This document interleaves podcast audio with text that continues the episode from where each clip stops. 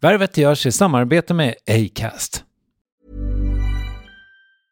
Hej, jag Ryan Reynolds. At Mint Mobile, we like to do the opposite of what Big Wireless does. They charge you a lot, we charge you a little. So naturally, when they announced they'd be raising their prices due to inflation, we decided to deflate our prices due to not hating you. That's right. We're cutting the price of Mint Unlimited from $30 a month to just $15 a month. Give it a try at mintmobile.com slash switch. $45 upfront for three months plus taxes and fees. Promo for new customers for limited time. Unlimited more than 40 gigabytes per month. Slows. Full terms at mintmobile.com.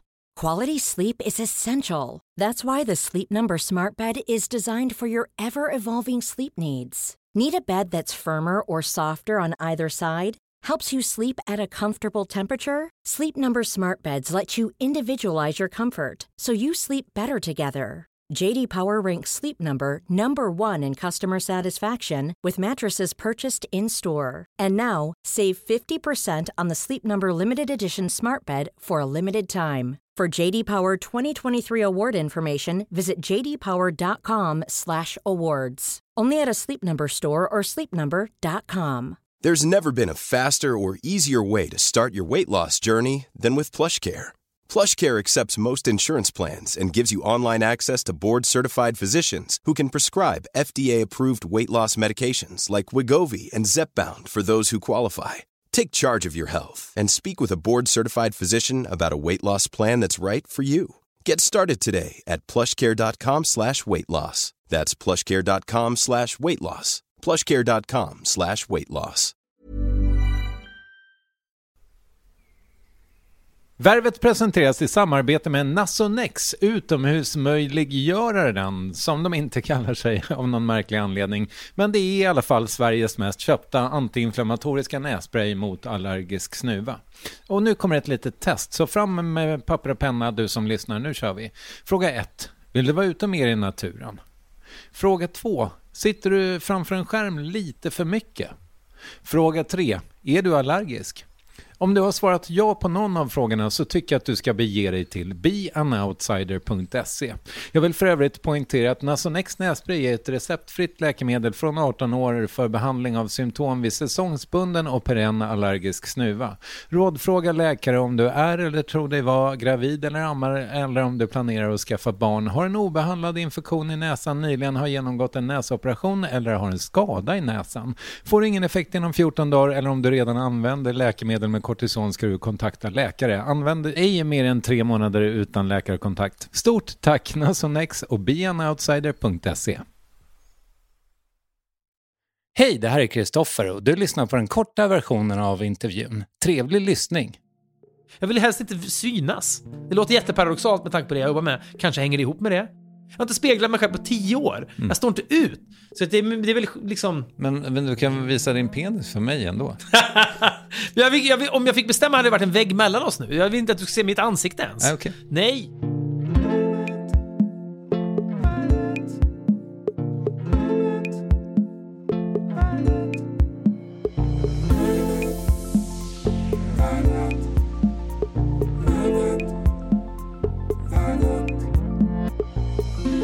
Visst, Fredrik Wikingsson är programledare, poddare, produktionsbolagsdelägare och numera också trefaldig biofilmsregissör. Men det är inte oviktigt att han också varit ett fyrtorn, en pionjär och en vägvisare in i mediebranschen för en växande skara personligheter. Gör den insikten något med honom att han varit viktig för många av oss. Dessutom varför nya filmen Den sista resan om och med Lars och Filip Hammar både kan få betyget minus och fem plus. Här är Fredrik Wikingsson i Värvet avsnitt 615. D- Dragning med 27 trailers hade du sett idag. Ja. Mm, varav era var en. Hur stod det sig? Jag tyckte den, alltså trailermässigt är vi inte uträknade Nej. för våren. Nej. För då, det kan jag ändå känna kring vissa, okej. Eh, men alltså, vem fan är jag också? Det är liksom så här. Om någon ägnar massa, massa, du vet, tre år åt att göra någon jävla dokumentär och, eller spelfilm och så, ja, man blir jävligt odömande när man sitter där. Men du har ju sett många trailers dock. Ja, Så den älskar konstformen kan du ju. Ja, jag, jag, jag vet ju vad, alltid när jag går på bio med mina barn så, så kommer det ju ibland, nu börjar de bli så stora så man kan se riktiga filmer. Eh, och då alltid när det är trailers så säger jag till dem att vi ska säga pepp eller depp efter varje trailer. För man, så här, man känner ju så. Antingen känner man pepp eller så känner man depp. Och så jag tänker skitmycket på det. Och det är paketering och det är storytelling och alltihopa. Så att, det vore ju för jävligt om man gjorde en trailer som var värdelös själv, men... Eh, som sagt, trailern är med. Ja, ja, jag förstår. Du, eh, 12 år i frihet har du haft eh, från Värvet. Ja, Mm, hur har du haft det sen sist? Jag var ganska tidig med gästerna. Ja, det får man säga. Eh, 12. Var jag nummer 12? Ja. Nummer 12 ja. Ba, ba, den bakvända eran, när min mick var vänd bak och fram, så att det var extremt så. Muffligt ljud. Ja, jag fattar. Eh, jag har haft det ganska bra, tycker jag. Ja. och hur har du haft det? Eh, jag har haft mina ups and downs, Fredrik. Ja. Mm. Jag kan tänka mig det. Ja, men det, vem har inte det? Men eh, jag, ska, jag har fan inget att klaga på ändå. Så det, det, jag kör, det är tre plus. Jag har, eh, nej men jag har haft det jättebra. Mm. Jag mår väldigt bra. Eh, och vet du vad jag håller på med mycket nu som jag tänker ska kommer provocera arslet av dig? Mm, kul. Det är mycket personlig utveckling nu. Ja, men det är verkligen sådana tider ju. Mm. Jag tänkte på sista avsnittet av Mad Men häromdagen. Jag vet inte varför. Det var någon som skrev, någon messade mig. Fan, John Hamm var bara 35 när han gjorde Mad Men. Vad sjukt. Ja, det är lite sjukt. Men han är, hans karaktär är väl typ det. Han är småbarn liksom. Mm. Men det finns ju alltid sådana ålders, liksom, fängelse. Åh, Alfons Åbergs pappa är vad det nu är. Bla, bla, bla, det. 30, ja. Humphrey Bogart var typ 21 när han gjorde Casablanca. Inte riktigt, men du vet så. Men då i sista avsnittet så är han ju på någon jävla retreat och det är liksom, och han sitter, alla sitter i lotusställning och liksom så här. Det, gäller att hitta ny, efter 60-talets galenskaper. Nu måste vi liksom komma till botten med alltihopa. Och så ser han, i det han ser i det är en Coca-Cola-reklam, vilket ju är något kul. Eh, att han, han förvandlar andligheter till liksom det mest kommersiella man kan föreställa sig. Men det känns som cykliskt är vi i 1971 igen kanske. Det är Ja, men- enormt mycket self-help nu känns det som. Mm. Men, och du har fallit lite för det? Fallit och fallit. Men, men eh, ja, jag har väl intresserat mig för det. Mm. Eh, men det är mycket, alltså det är mycket grejer som jag tänker du... Eller jag vet inte riktigt varför jag skulle ha någon tanke kring vad du står i det. Mm. Men, men det bara känns som att alltså det finns ju vä- väldigt mycket med Los Angeles som jag tänker mig att du tycker om. Mm. Eh, men den där neo-hippie-grejen, det är inte riktigt din eh, Alltså så här, bandvagn. Jag tror nog att det hela tiden finns kanske 10 pers i varje land som är bra på att hjälpa folk med sånt. Och så finns det väldigt många som inte är så bra, men som lurar folk. Eh, om det är liksom, men du vet, jag står på gymmet och så ser jag någon liksom, Nyhetsmorgon har någon slags liksom, ja, men 14 minuter om kristaller. Som liksom, och så står det väl i grafiken att det är liksom lite ifrågasatt. Jo, men det är fortfarande 14 minuter ni gör om det då. Vad kan det komma ur ett sånt samtal? Om stenar? Alltså, jag, för, då är jag extremt liksom, anti sånt. På ett sätt som kanske är begränsande för mig, min utveckling också. Men det, jag tänker att det är så mycket människor som bara... mm, jag menar, inte vet jag, 1971 satte väl inte på elskåp posters för selfie-hjälp gurus. Jag säger inte att det behöver vara dåligt. Det finns väl alla, alla vill väl nå ut på alla sina tänkbara sätt, men ja, det är så jävla mycket skit bara. Man nås ju mycket mer av det nu också eftersom algoritmerna ibland kan få för... I och med att jag har hate-watchat en del sånt, så tror ju algoritmerna att jag är målgrupp. Så jag ser jättemycket av det och så tänker herregud, folk är helt gisslan av det här. Må, hamna inte där. Nej, jag är där. Ja, är du det? Ja, det är mycket breathwork nu och... Ja, Jag vet, Ruben Salmander var med i Alla mot alla och berättade att han har en podd om andning. ja, Ja. men... Är den men, bra?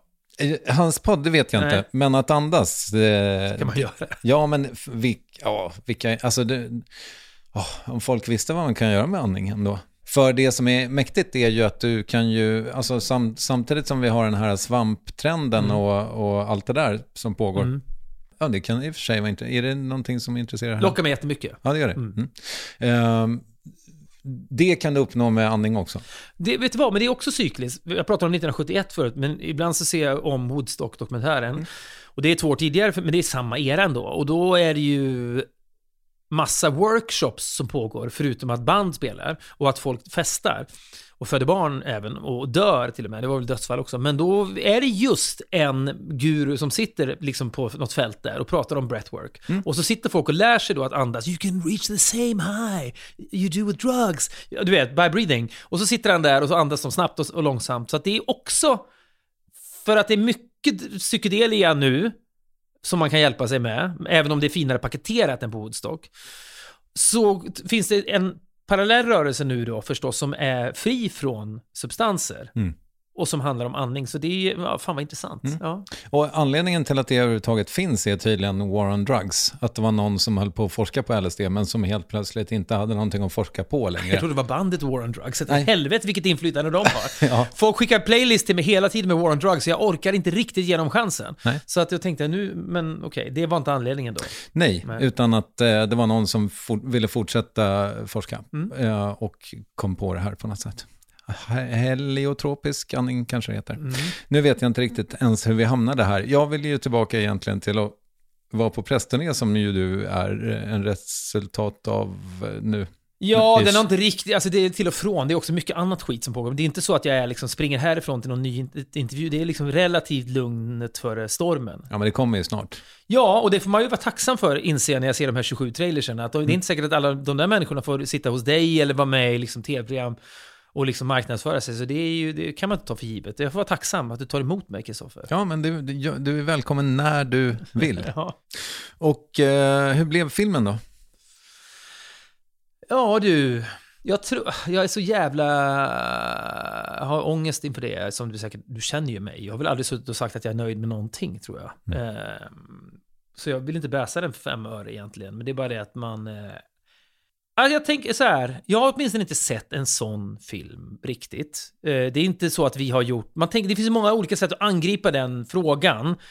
Jag skulle kunna sätta betyg 1-5. Jag skulle kunna skriva en, en minusrecension av den som jag tror på. Jag skulle kunna skriva en 5 plus recension av den som jag också tror på. För att man, jag tänker, jag vet så allt om hela processen och processen är helt ointressant för folk ju. Det är bara resultatet som är intressant. Men för mig finns det ju ett mått av, har vi gjort vad vi har kunnat med den här idén? Har vi gjort den så egensinnig vi kan, men ändå tillgänglig? Ja, det tror jag nog ändå. Finns det mycket känslor i den här? Ja, det tror jag nog också att det gör. Blir det internt att det handlar om Filip och hans pappa?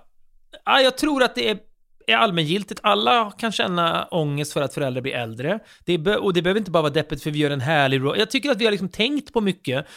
Sen vill man ju inte göra något jävla film i ett laboratorium heller och bara fylla i massa staplar. Det handlar ju inte om det, men jag kan ju fortfarande bli väldigt rörd av att tänka på den bara. Men då, då tror jag ju att det inte bara har att göra med att jag känner Lars och är gripen av hans öde. Ehm, jag tycker att man känner igen oss i den. Men vi, samtidigt så är det ju också en annan fas för oss och ett annat liksom allvar kanske. Utan att det blir liksom tråkigt tror jag. Jag, jag, jag. Fy fan vad dålig jag är på att prata om det på det sättet liksom. Jag vet, jag hör ju folk som sitter i såna här och bara öser kärlek över sig själva. Jag, och det är väl nästan avundsvärt, men jag begriper det inte. Varför kan du inte bara skärpa dig? Det är din 55 pressturné. Säg massa bra grejer bara.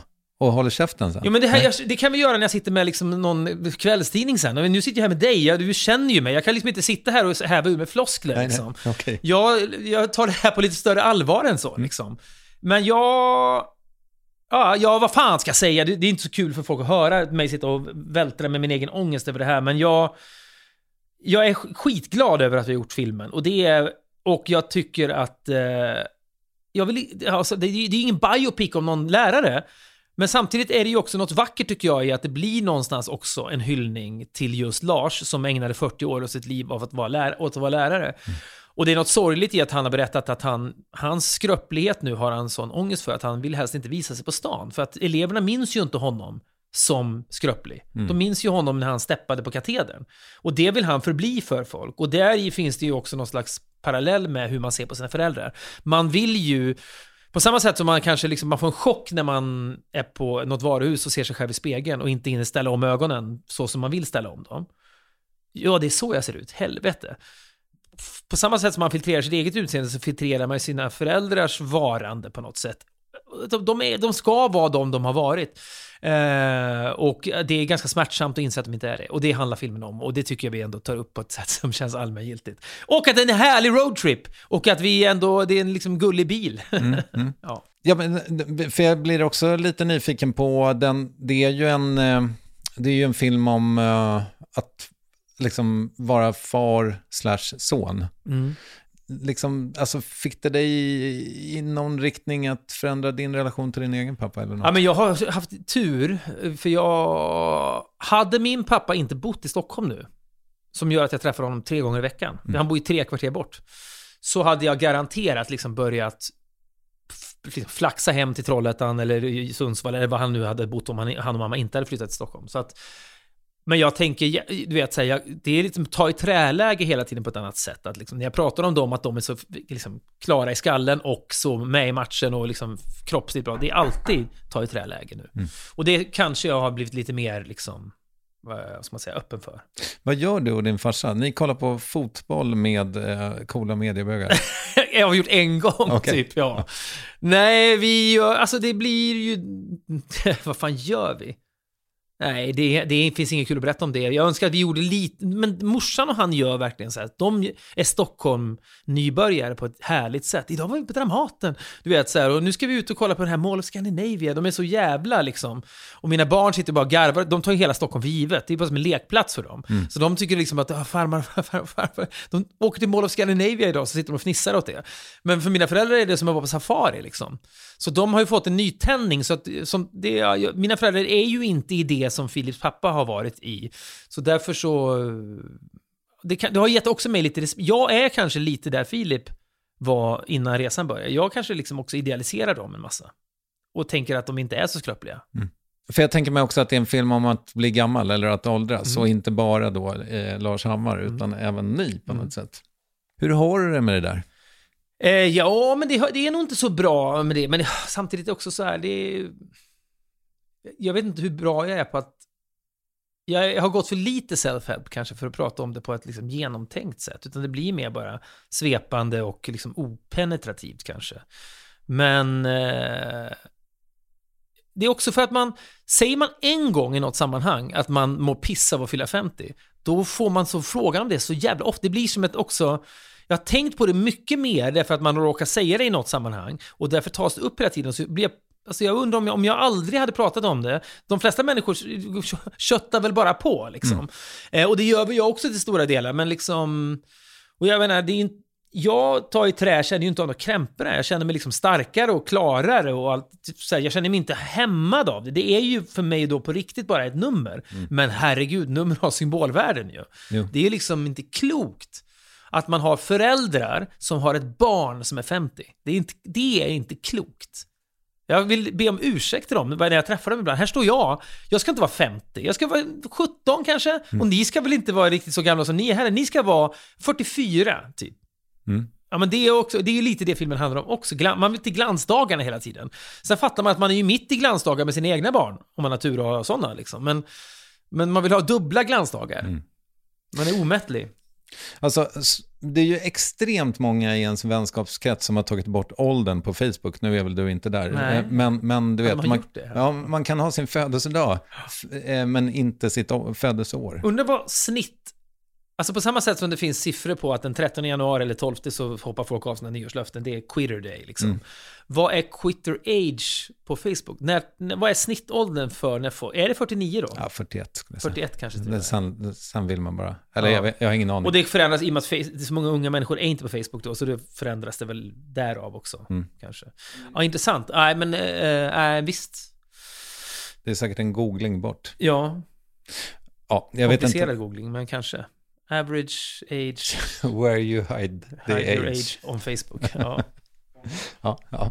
ja, ja. Fan, jag vet inte om vi kommer i mål med det här. Men, men eh, eh, nu är det då 16 år för oss båda till folkpensionen. Jag, Mm. det är ju inte 65 längre. Eh, vilket, så det blir lite orent. Mm. Men, men 16 år. Mm. Och jag tänker mig, svårt att till exempel hinna bli läkare. Mm, jag vet, men det har jag nog förlikat mig med, den sortens liksom... Det finns inte så många sliding doors för mig. Jag, det, jag har inte FOMO riktigt heller för liksom så här... Generellt har jag inte det. Om jag är utomlands och så händer något kul i Stockholm, så låt det hända då. Eller om jag liksom missar någon fest, så här, ha, ha så jävla kul då. Jag får ha det väl bra här, under korkeken. Liksom. Eh, och på samma sätt så känner jag väl heller inte att så här, åh, tänk om jag ändå hade valt... Jag gick ju ändå natur, jag, var, jag hade kommit in på KTH, vad hade hänt då? Jag kunde inte bry mig mindre, det är helt ointressant ju. Eh, så därför Där har du så... nästa dokumentär annars. jag ska, men jag ska bli läkare kanske, eller någon, nej jag vet fan. Nej, så jag, den sortens, jag tycker att det är väldigt kul det jag gör. Därför har jag, känner jag också att, eftersom jag var nära att hamna i andra walks of life, så kanske jag kan gilla dem också. Suttit i någon mindre podd än din och pratat om min liksom, karriär som marinbiolog kanske. Eh, men jag, alltså jag, jag känner inte det. Jag känner väl liksom viss förtröstan och liksom glädjen då över att man får hålla på. Och i bästa fall får man göra ännu mer grejer. Och det är ju det, är det jag tycker är roligast. Att titta på grejer på tv och film. Att då få hålla på med det är väl toppen. Mm. Men du, hur är det då om man tar um, din arbetstillvaro? Mm. Uh, mår du bra? Det lät ju som du mår jättebra i det. Ja, det gör jag. Det är ju, de senaste åren har det väldigt, för mig jobbmässigt väldigt mycket handlat om Alla mot alla eftersom vi gör 128 program per år. Eh, och jag skrattade högt åt tidningen Filter som kom hem till mig för några veckor sedan. Där det, där det stod Christian Lok berättar om det hårda slitet bakom På spåret. Mm. Och de gör 13 program per år eller något. Det är allt de, det är allt de gör. Mm. Och vi har tio gånger så många. Och jag tycker vi har samma nivå som de har. Och det, det, det, är inte mitt sätt att skita på dem, utan det är väl, de får göra vad de vill. Men jag menar, det säger att det, det är väldigt mycket arbete bakom att göra så många program som ändå ska ha någon slags inte, jag menar, Vem vet mest och Jeopardy och sånt har lite mer av en liksom löpande bandkänsla än jag tycker Alla mot alla har. Det ska vara lite late night liksom. Alltså om det, det kunde sändas på en fredag typ. Mm. Um, så att ja, det, det tar ju, i och med att vi gör så mycket då, jag vet inte hur länge vi får hålla på med det, men uh, det mellan inspelningssjoken som är väldigt intensiva, då skriver jag ju väldigt mycket manus och frågor till nästa sjok. Så att, uh, sen, sen kommer de fönster när säsongen är över och då då är det ju, vill jag ju vara så delaktig jag kan på Nexico som är vårt produktionsbolag och vara med i möten om kommande projekt och sånt. Vilket mm. ju är skitkul också. Så att, ja men jag, jag, hade jag vetat för 12 år sedan att jag skulle vara så här balanserad mm. så skulle jag nog ändå vara tacksam. Mm. Så det är läge att vara det då.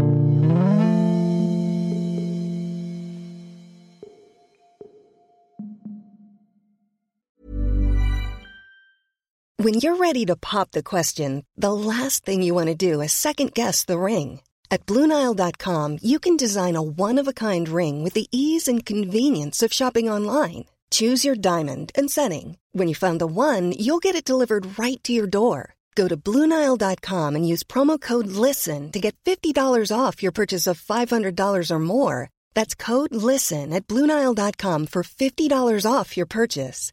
Bluenile.com code LISTEN. There's never been a faster or easier way to start your weight loss journey than with PlushCare. PlushCare accepts most insurance plans and gives you online access to board-certified physicians who can prescribe FDA-approved weight loss medications like Wigovi and Zepbound for those who qualify. Take charge of your health and speak with a board-certified physician about a weight loss plan that's right for you. Get started today at plushcare.com slash weight loss. That's plushcare.com slash weight loss. plushcare.com slash weight loss. Hey, it's Ryan Reynolds, and I'm here with Keith, co-star of my upcoming film, If, only in theaters May 17th. Do you want to tell people the big news? All right, I'll do it. Sign up now and you'll get unlimited for $15 a month in six months of Paramount Plus Essential Plan on us. Mintmobile.com slash switch. Upfront payment of $45 equivalent to $15 per month. Unlimited over 40 gigabytes per month. Face lower speeds. Videos at 480p. Active Mint customers by 531.24 get six months of Paramount Plus Essential Plan. Auto renews after six months. Offer ends May 31st, 2024. Separate Paramount Plus registration required. Terms and conditions apply if rated PG. Yes, ny sponsor. Värvet presenteras i samarbete med Svea Bank. Och jag menar inte att ta ner stämningen, men dessvärre är ju lågkonjunkturen här, vilket innebär att de flesta branscher har det tufft och också väldigt många privatpersoner. Jag vet själv vad det är att ha en trasslig privatekonomi. Det var struligt i många år för mig och låg ofta post i hallen med trista logotyper i ena hörnet och jag hade också i flera års tid ett helt gäng betalningsanmärkningar. Och tyvärr är det nog många som har det svårt att få ihop till räkningarna just nu, som har hamnat i ekonomiskt trubbel. Och det är här Svea Bank kan kliva in med något som kallas skuldfinansiering. Där löser de skulder hos inkasso och till Kronofogden och till och med om Kronofogden vill sälja ditt boende har Svea Bank möjlighet att hjälpa till. I den här tjänsten får du en personlig handläggare som gör en grundlig genomgång av din ekonomiska situation. De tar kontakt med dina kreditgivare och när ett lån beviljats löser de dina skulder skulder åt dig och samla dem i ett enda lån med en avbetalningsplan som din ekonomi klarar av. För om du har hamnat i klister, du är inte ensam och kanske kan det här hjälpa dig.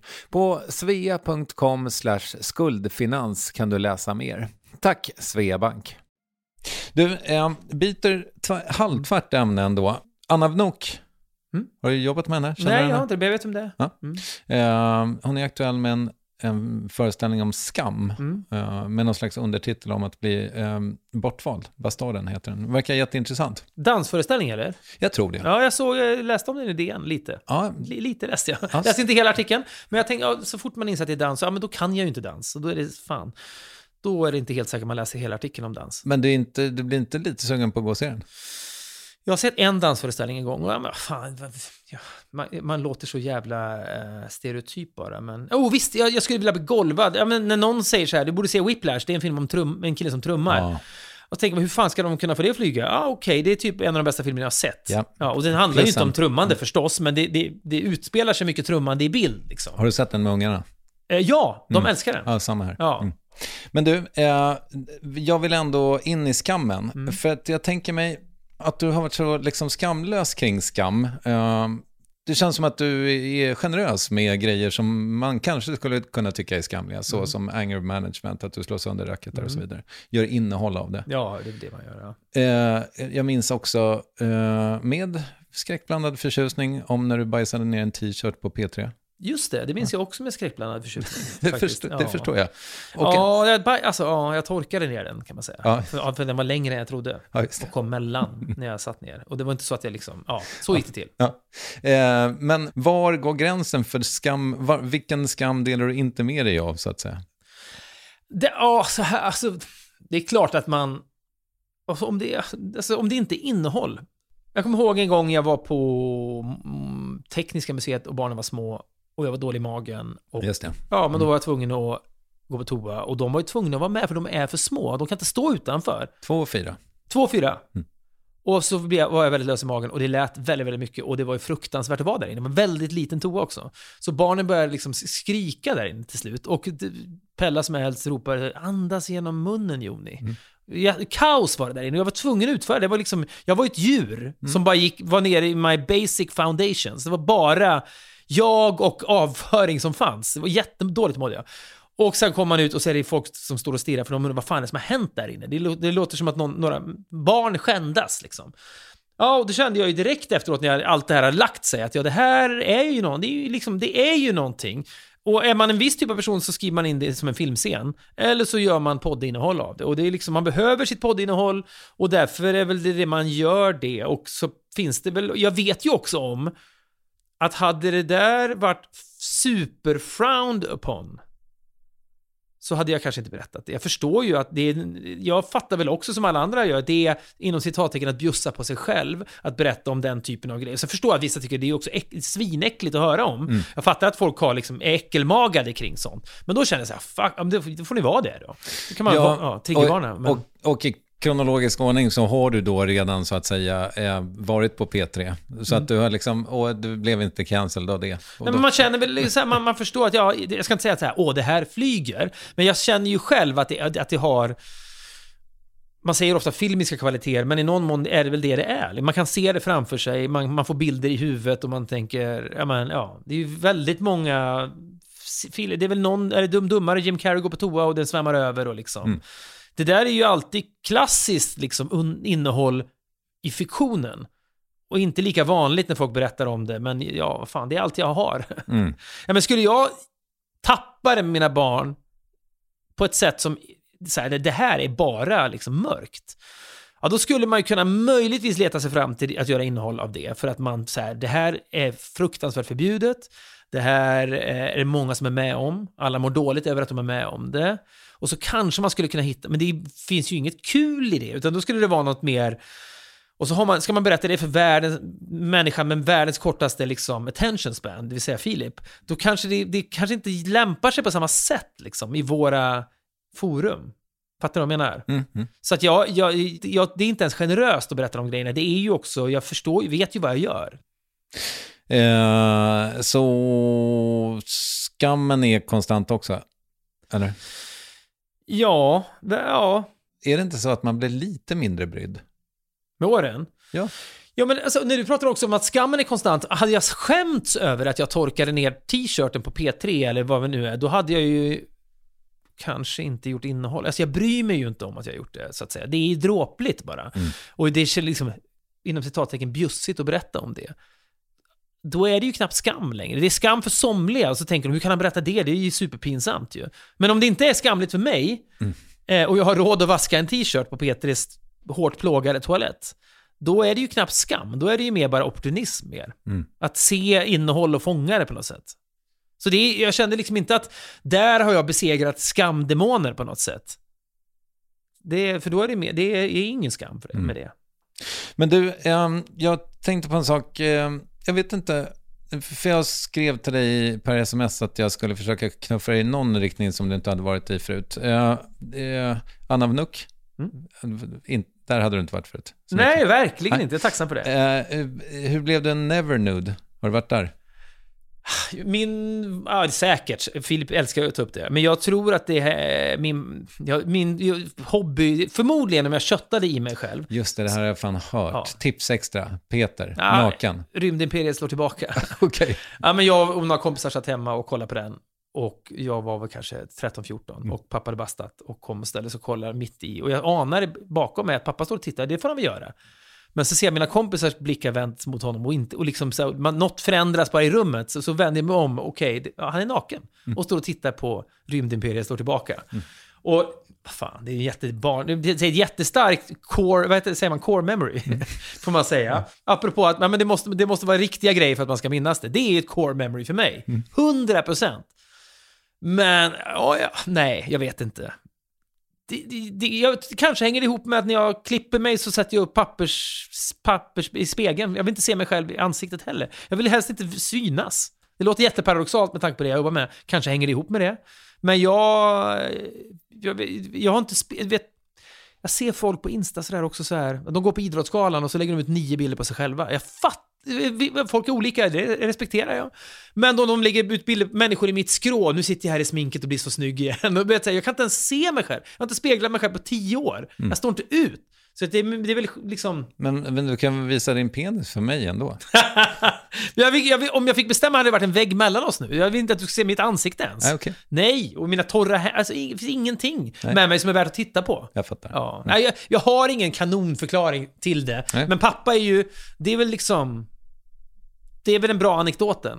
Men vadå, hur, hur blev det så här? Alltså det måste ju ha eskalerat att du liksom, har, har du med dig papper till frisören? Nej, han eh, tar alltid hand om det. Aha. Han river, det finns ju gott om modemagasin eh, hos frisörer, så då river han ut sidor ur L.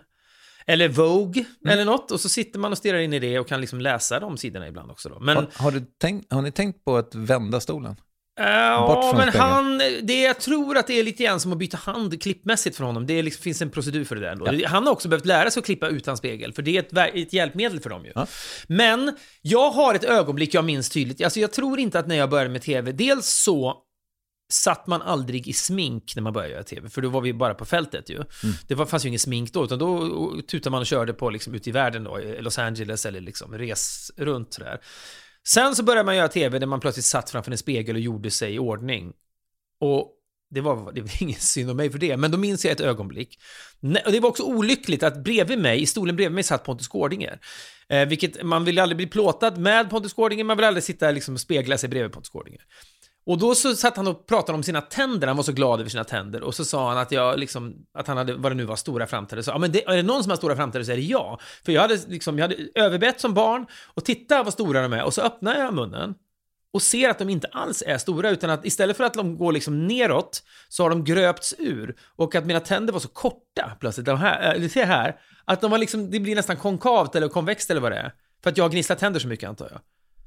Och jag, det var någonting med det som var, det gjorde något med mig. Alltså jag så här, Det föll helt platt att du sa det här då? Det Nej det? men Gårdinger var ju, han väntade sig att se några stora maffiga liksom gnistrande tänder och såg istället två små liksom suketter, stumpar och liksom nästan, ja men du vet, amerikanska inbördeskrigets soldattänder typ. Och han sket väl i det, det var inte så att han bara, oh helvete vad synd om men du vet så här, plötsligt så okej, det där stämde inte alls överens med Du, min du lägger inte traumat på honom så att Nej, säga? nej, nej, nej, nej.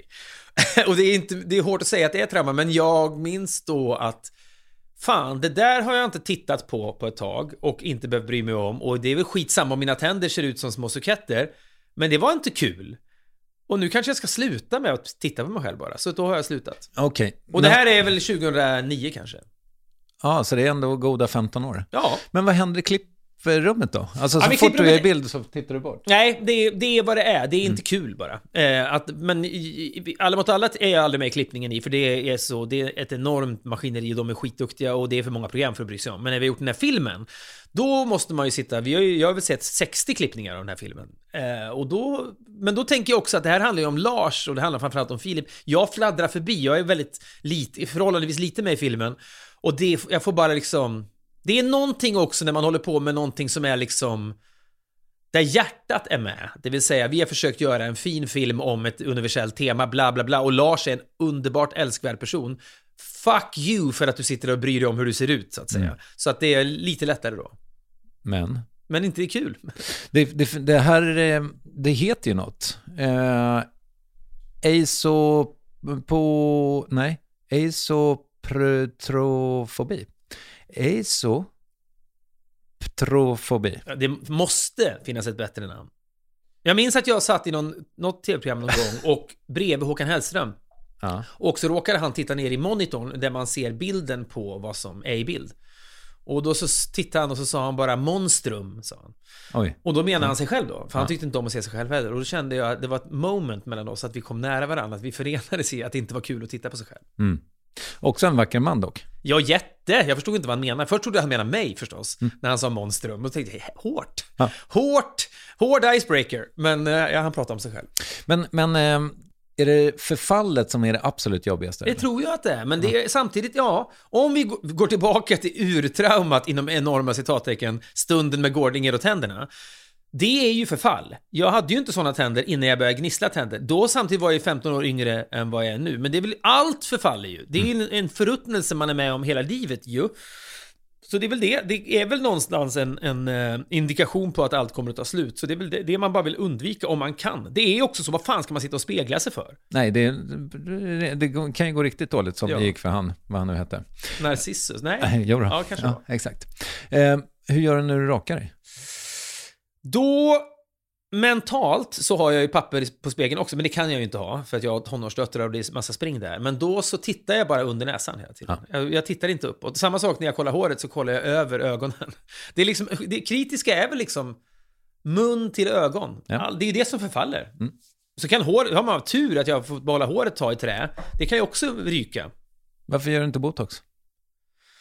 Ja, men jag, ja, klart jag har tänkt på det. Men samtidigt så jag tänker ibland på, vad heter han nu då, han som är i amerikanska Idol? John, nej, han som, den elake britten. Vad heter Ja, han? det. Simon Mm. Cowell. Det. Titta på honom. Han måste väl ha tillgång till världens bästa knivar och kirurger. Ja, det ser inte klokt ut. Om han med de resurserna, så, så går jag till någon snubbe i Vasastan. Det kan ju sluta hur som helst och då blir det, då blir det dubbel bestraffning på något sätt.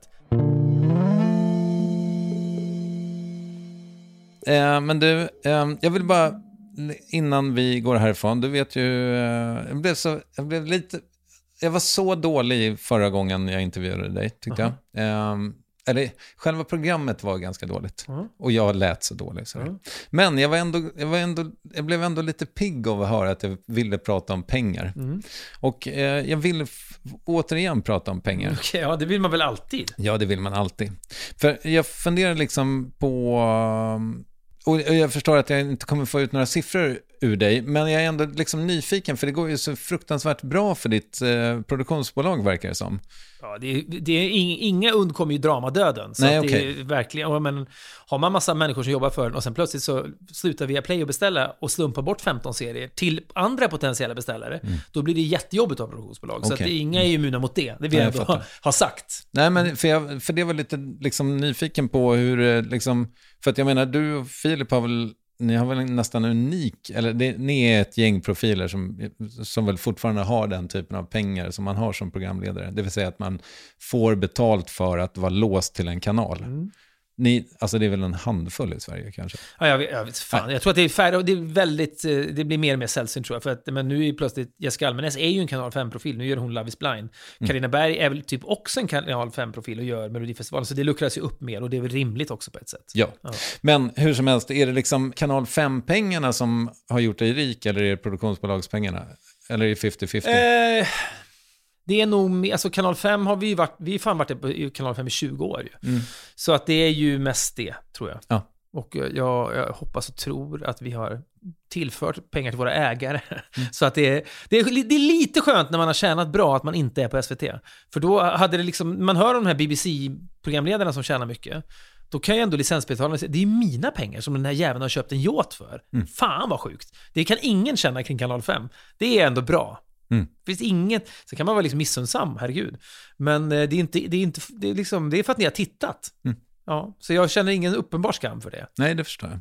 Men sen, eh, förlåt om jag är pengakåt nu som Mm. vanligt då, men, men eh, det fakt alltså Young Royals Mm. köpte inte ditt hus i Frankrike, eller jo?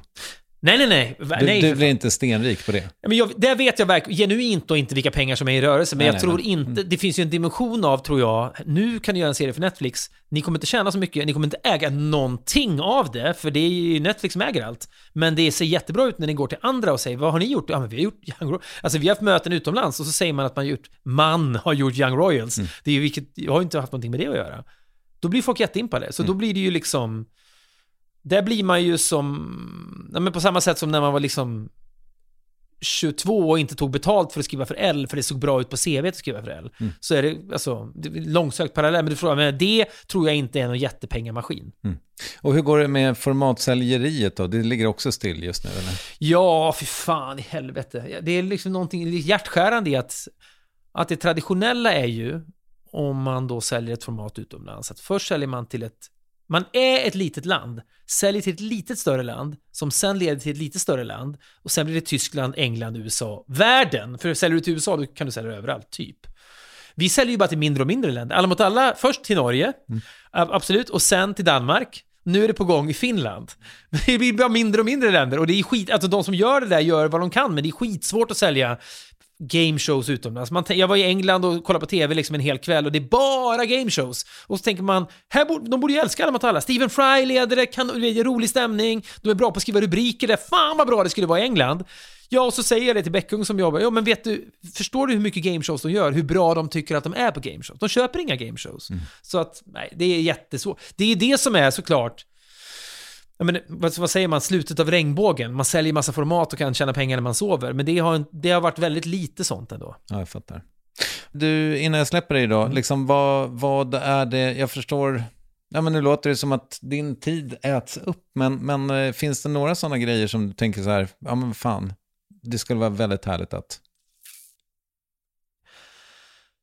Ja, men ja, visst, att skriva och, och regissera en film till som inte är dokumentär då. För att när, man, när vi gjorde Tårtgeneralen så lärde man sig mycket i klippningen av den. Och när man håller på med dokumentärt så finns ju begränsningar för vad fan man kan uppfinna givetvis.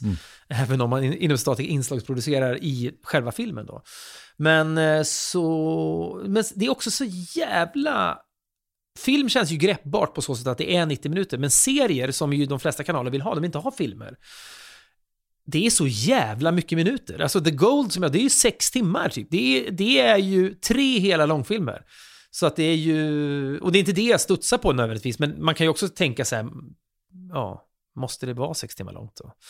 Nej, så det är väl det med, det vore jättekul. Jag menar, de här, alla de människorna vi gör alla mot alla med, det är extremt roliga, begåvade människor. Tänk om vi kunde ta den hjärnkapaciteten, sätta oss i ett rum, nästa, så att säga, Uppsala eller Prag-konferensresa och säga så här, nu ska vi inte prata om nya moment i frågesport, nu ska vi prata om vad vore en kul serie att se. Det hade varit en dröm att göra. Det är ett konkret svar. Att åka iväg på en konferens om ekonomin till, to- till det 2024 med alla mot alla genierna och sitta, nu ni ska använda all er så briljans till något man skulle gilla att se. Det vore kul.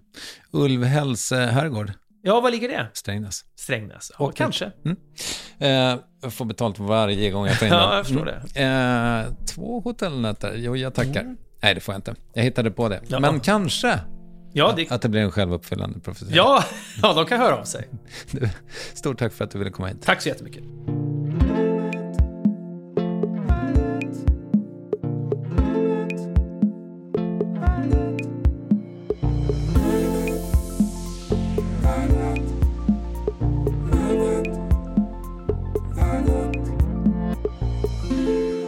Ja, filmen heter alltså Den sista resan. Se den och ring någon du älskar. Jag är rätt säker på att producenten Westin och Acast tackar för visat intresse. Jag gör det i alla fall och vi hörs om max en vecka, säger jag, Kristoffer Triumf. Adjöss.